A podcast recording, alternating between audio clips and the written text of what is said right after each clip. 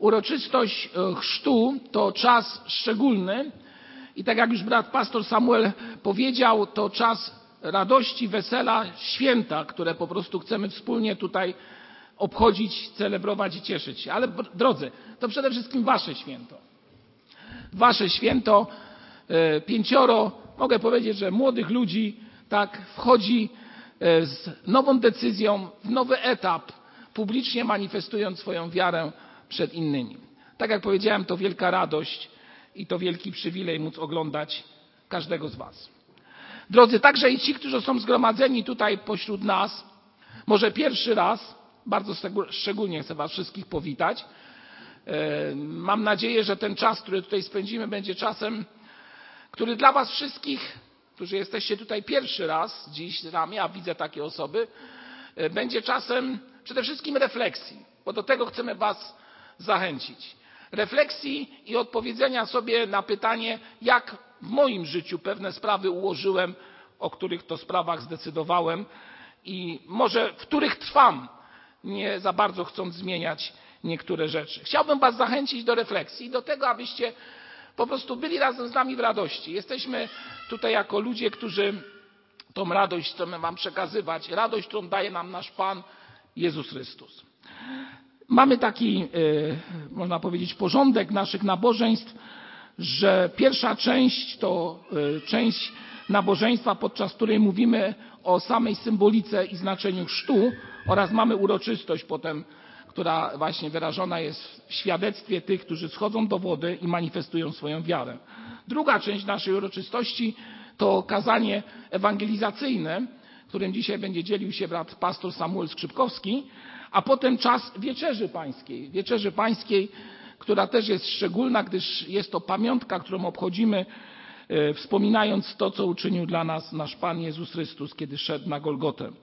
Wieczerza pańska. No i potem będziemy chcieli błogosławić tych, którzy przyjęli, przyjmą za chwilę, tak, chrzest w wieku świadomym przez włożenie rąk. Tak wygląda dzisiejszy plan. Chciałem o tym powiedzieć, abyśmy byli przygotowani i zarazem uczestniczyli w tym przez śpiew, modlitwę, a przede wszystkim do tego Was teraz chcę gorąco zachęcić, abyście, drodzy wszyscy tutaj zgromadzeni, wsłuchiwali się w tekst Słowa Bożego, bo to jest istota. Gromadzimy się wokół Słowa Bożego, a Słowo Boże w rozumieniu Nowego Testamentu to nasz Pan Jezus Chrystus. Bo tak jak wielokrotnie z tego miejsca mówiłem, na początku było Słowo, a Słowo było u Boga i Bogiem było Słowo. Nasz Pan jest tym żywym słowem, słowem, które jest zawarte w piśmie, jak to ktoś określił, konstytucji Kościoła Baptystycznego.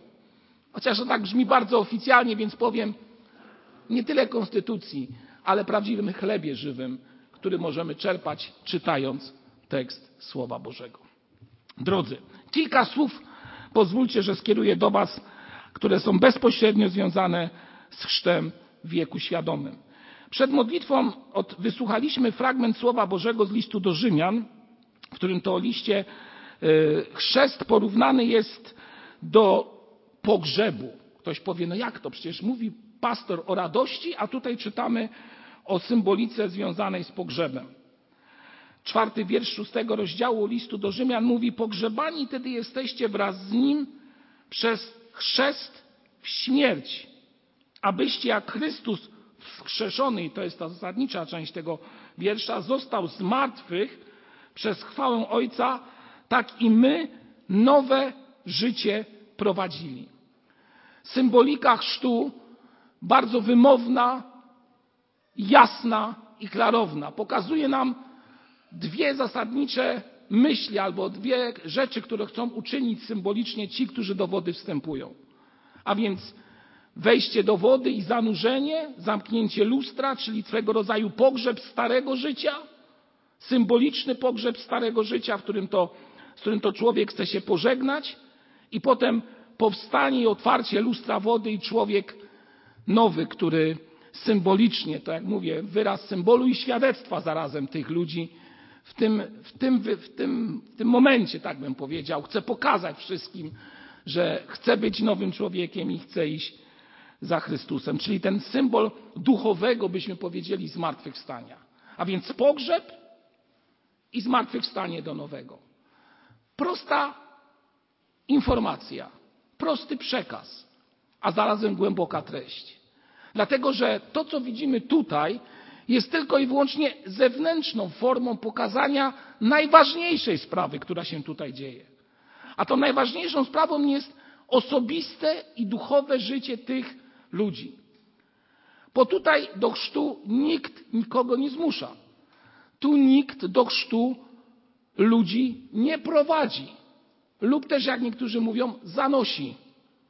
Dlaczego? Dlatego, że chrzest jest decyzją, jest aktem wyznania, chęcią i aktem zarazem wyznania wiary w Jezusa Chrystusa, w myśl zasady, którą pozostawił Jezus Chrystus. Najpierw kto uwierzy, a potem ochrzci się, mówi Słowo Boże w Ewangelii Marka w 16 rozdziale, zbawiony będzie. A więc najpierw wiara, duchowe odnowienie, zmiana sposobu myślenia, czyli nawrócenie. Nawrócenie to właśnie dosłownie z języków oryginalnych brzmi jako, czy można to określić tymi słowami, że nawrócenie to nic innego jak zmiana sposobu myślenia. Teraz wybieram inne wartości w swoim życiu. Nie zmieniam i staję się jakiś dziwakiem. Zmieniam się, bo chcę naśladować Jezusa Chrystusa przez Słowo Boże.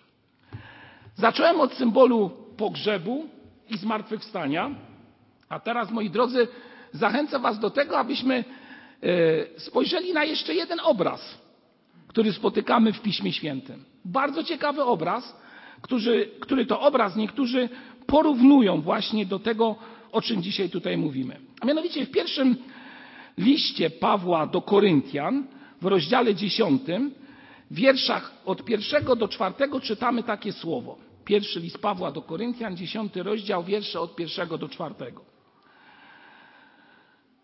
A chcę, bracia, abyście dobrze wiedzieli, że ojcowie nasi wszyscy byli pod obłokiem i wszyscy przez morze przeszli.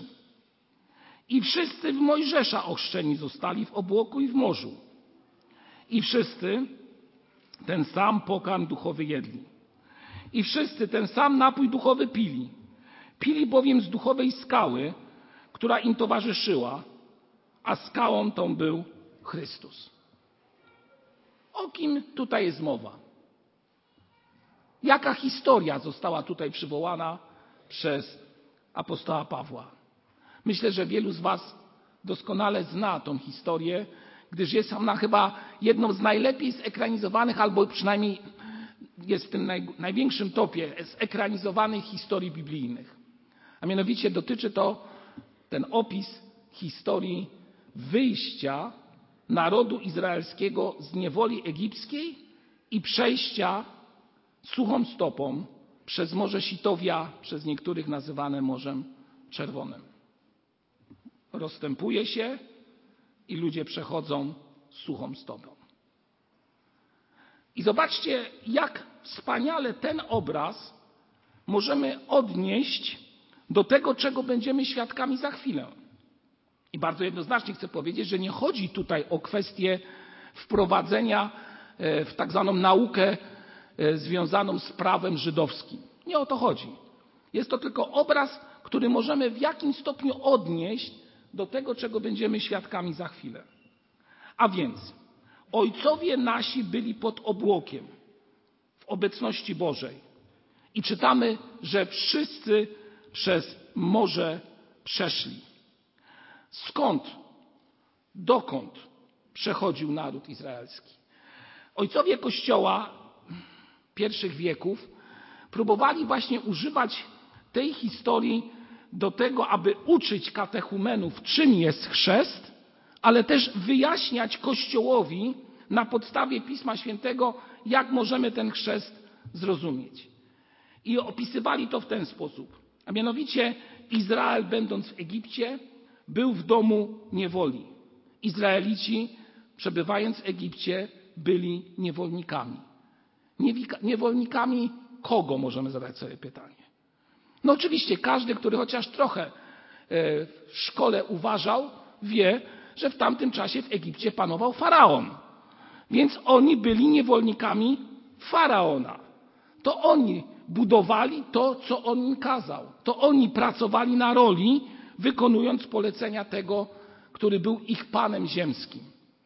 I tutaj czytamy, że właśnie naród izraelski wychodzi z tego miejsca niewoli, prowadzony przez Boga pod obłokiem, pod przywództwem Mojżesza, dochodzi do miejsca, które jest trudne w logistyce do przejścia, gdyż spotyka na swojej drodze wodę i następuje pierwsza próba w życiu. I właśnie, drodzy katechumeni, ten obraz pokazujący naród izraelski i jego drogę wyjścia z Egiptu, może bym powiedział, będzie trochę pasował do waszego życia. Dlaczego? Ano dlatego, że decyzja związana z chrztem nie była decyzją tak, stało się. Tylko były różne pytania, próby, zastanowienie się nad tym, czy aby na pewno dobrze robię, zastanowienie się nad tym, co ludzie powiedzą, a co rodzina powie. No jakieś dziwactwo, no. Dorosły człowiek i takie rzeczy wyprawia? Ale jednak następuje decyzja.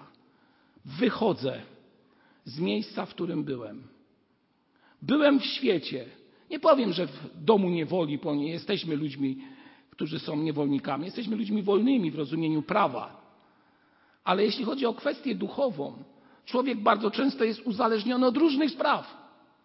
To uzależnienie może być związane, nie wiem, z różnymi używkami, alkoholem, przyzwyczajeniami starego życia, czyli mówiąc wprost, grzechem. I człowiek wychodząc z tego miejsca, w którym był i deklarując swoją wiarę, że idzie do zupełnie czegoś nowego, świadomie chce z tego, w czym był, zrezygnować. Stare życie jest za nim. Wychodzisz. Ale masz świadomość tego, że ktoś cię nadal jeszcze goni. Izraelitów ścigał faraon wraz ze swoim wojskiem. Docierają do wybrzeża, gdzie jest morze i sytuacja jest beznadziejna. I w tym momencie następuje wielki cud. To, o czym mówiłem w modlitwie i o czym śpiewał zespół przed chwilą, aby ufać i wierzyć w Panu. Ale powiem Wam tak, nie za dużo ludzi wierzyło, kiedy stali nad tym morzem. Dobrze, że był Mojżesz, który miał siłę i wiarę i zaufanie. I tej wiary i siły Wam życzę w codziennym Waszym życiu. I Pan Bóg rozstępuje to morze. Morze, które jest symbolem tego w rozumieniu żydowskim przejścia, można by powiedzieć, szczególnego odnowienia i wyzwolenia przed Bogiem, a apostoł Paweł mówi o chrzcie w Mojżesza. Woda się rozstępuje. Jesteśmy uwolnieni. Przechodzimy na drugi brzeg. Jesteśmy w nowym miejscu. To uwolnienie nastąpiło wcześniej, kiedy zdecydowali się wyjść. To tak jak z waszym nawróceniem. To już nastąpiło, wasze nawrócenie. A chrzest jest tym symbolem przejścia na drugą stronę. Pokazania, teraz jestem w nowym miejscu. Zupełnie w nowym miejscu. Po stronie naszego, mojego Pana, którym jest już teraz nie faraon, ale Bóg przez Jezusa Chrystusa. A więc Izraelici przechodzą i zwyciężają.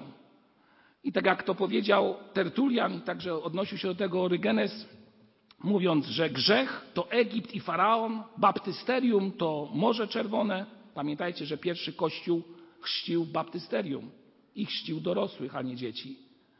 Nawet nasz Mieszko, o czym tu zawsze wspominam, też był chrzczony przez zanurzenie, a nie przez polanie. Dalej, wyjście z tego baptysterium, czyli wyjście z, tego, z tej możliwości przejścia suchą stopą przez Morze Sitowia i zatopienie wojsk faraona to nic innego jak uratowanie nowych ludzi i zatopienie starego. Wielki symbol. Woda w rozumieniu ojców Kościoła symbolizuje duchowe wyzwolenie od Egipcjan, ale przede wszystkim w sensie duchowym z niewoli śmierci. Ale jest następny moment, o którym chcę Wam teraz powiedzieć i każdemu z Was. Ten moment to życie ludzkie po chrzcie. Po chrzcie. Po chrzest to wielka radość. To wielkie wezwanie. Do momentu, kiedy dochodzę, jest wiele napięć, trudnych sytuacji. Muszę się opowiedzieć, muszę powiedzieć o tym, w co wierzę. Ale potem przychodzi proza życia. Przychodzi proza życia. I wiecie, jak ojcowie Kościoła nazwali tą prozę życia? Pustynią, na którą szedł Izrael. Pustynią, na którą szedł Izrael. Tylko, że na tej pustyni ci, którzy przeszli suchą stopą, nie mieli na tyle wiary, aby wejść do ziemi obiecanej, a w rozumieniu ziemia obiecana jest życiem wiecznym dla każdego z nas. Nie mieli siły do tego, chociaż tak wiele doznali błogosławieństwa. Dlatego ja osobiście pragnę Wam życzyć, Wam i każdemu z Was tutaj obecnych, którzy kroczycie może po tej pustyni swojego życia, w różnych trudnościach i kłopotach, zwróćcie swój wzrok na Jezusa. I tutaj pada bardzo ważny element w tym rozważaniu, który jest istotny w Waszym codziennym kroczeniu po chrzcie za Chrystusem. Brzmi on tak. I wszyscy ten sam pokarm duchowy jedli. I wszyscy ten sam napój duchowy pili. Pili bowiem z duchowej skały, która im towarzyszyła. A skałą tą był, i powiedzmy wszyscy razem, kto? Chrystus. Tą skałą był Chrystus. Powiem tak, tą skałą także i dziś jest Jezus Chrystus. Wchodząc po chrzcie na drogi swojego życia, proszę Was, gorąco Was proszę, Was i wszystkich tu zgromadzonych, jeżeli chcecie duchowo wzrastać, tak jak czytamy tutaj, jedźcie pokarm duchowy. To symbol czytania Słowa Bożego. Czyli inaczej trwajcie w Słowie Bożym. Trwajcie w Chrystusie. Trwajcie, pijcie, tak bym powiedział, z tej skały, którą jest Jezus Chrystus. Czyli módlcie się do Niego. Trwajcie w relacji z Nim.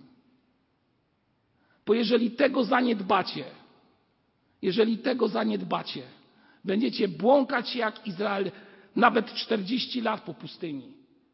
I to będzie chodzenie po omacku.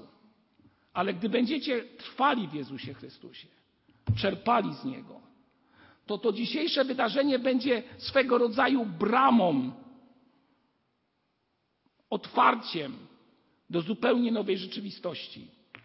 Do rzeczywistości, która jest w Panu Jezusie Chrystusie. Mogą przyjść różne pokusy. Bałwochwalstwo, cudzołóstwo, nadużywanie dobroci Bożej. Izrael szemrał, narzekał i wiele rzeczy robił. To się może wydarzyć w waszym życiu.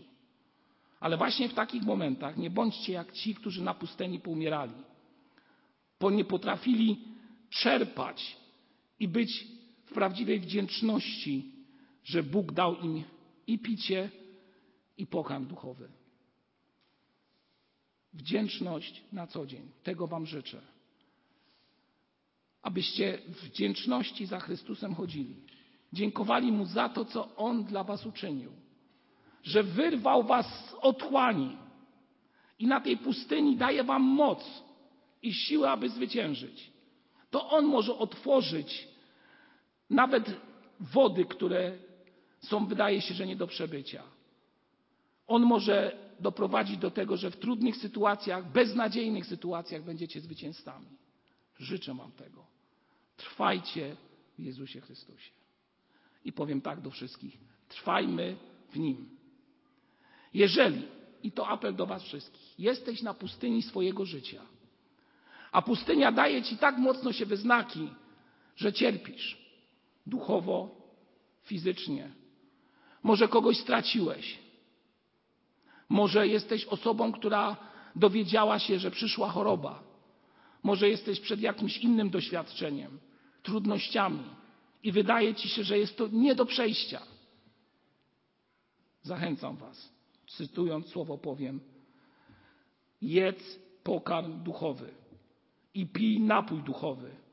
Pij ze skały, która Ci zawsze towarzyszy, a tą skałą jest Jezus Chrystus. Powiedzmy to razem. Kto jest skałą dla każdego z nas? Jezus Chrystus. Niech Was Pan Bóg błogosławi. W Nim i tylko w Nim zwyciężymy. Zapraszam Was teraz, abyście tutaj stanęli przed stołem i odwrócili się twarzą do zgromadzonego kościoła. Jeden obok drugiego.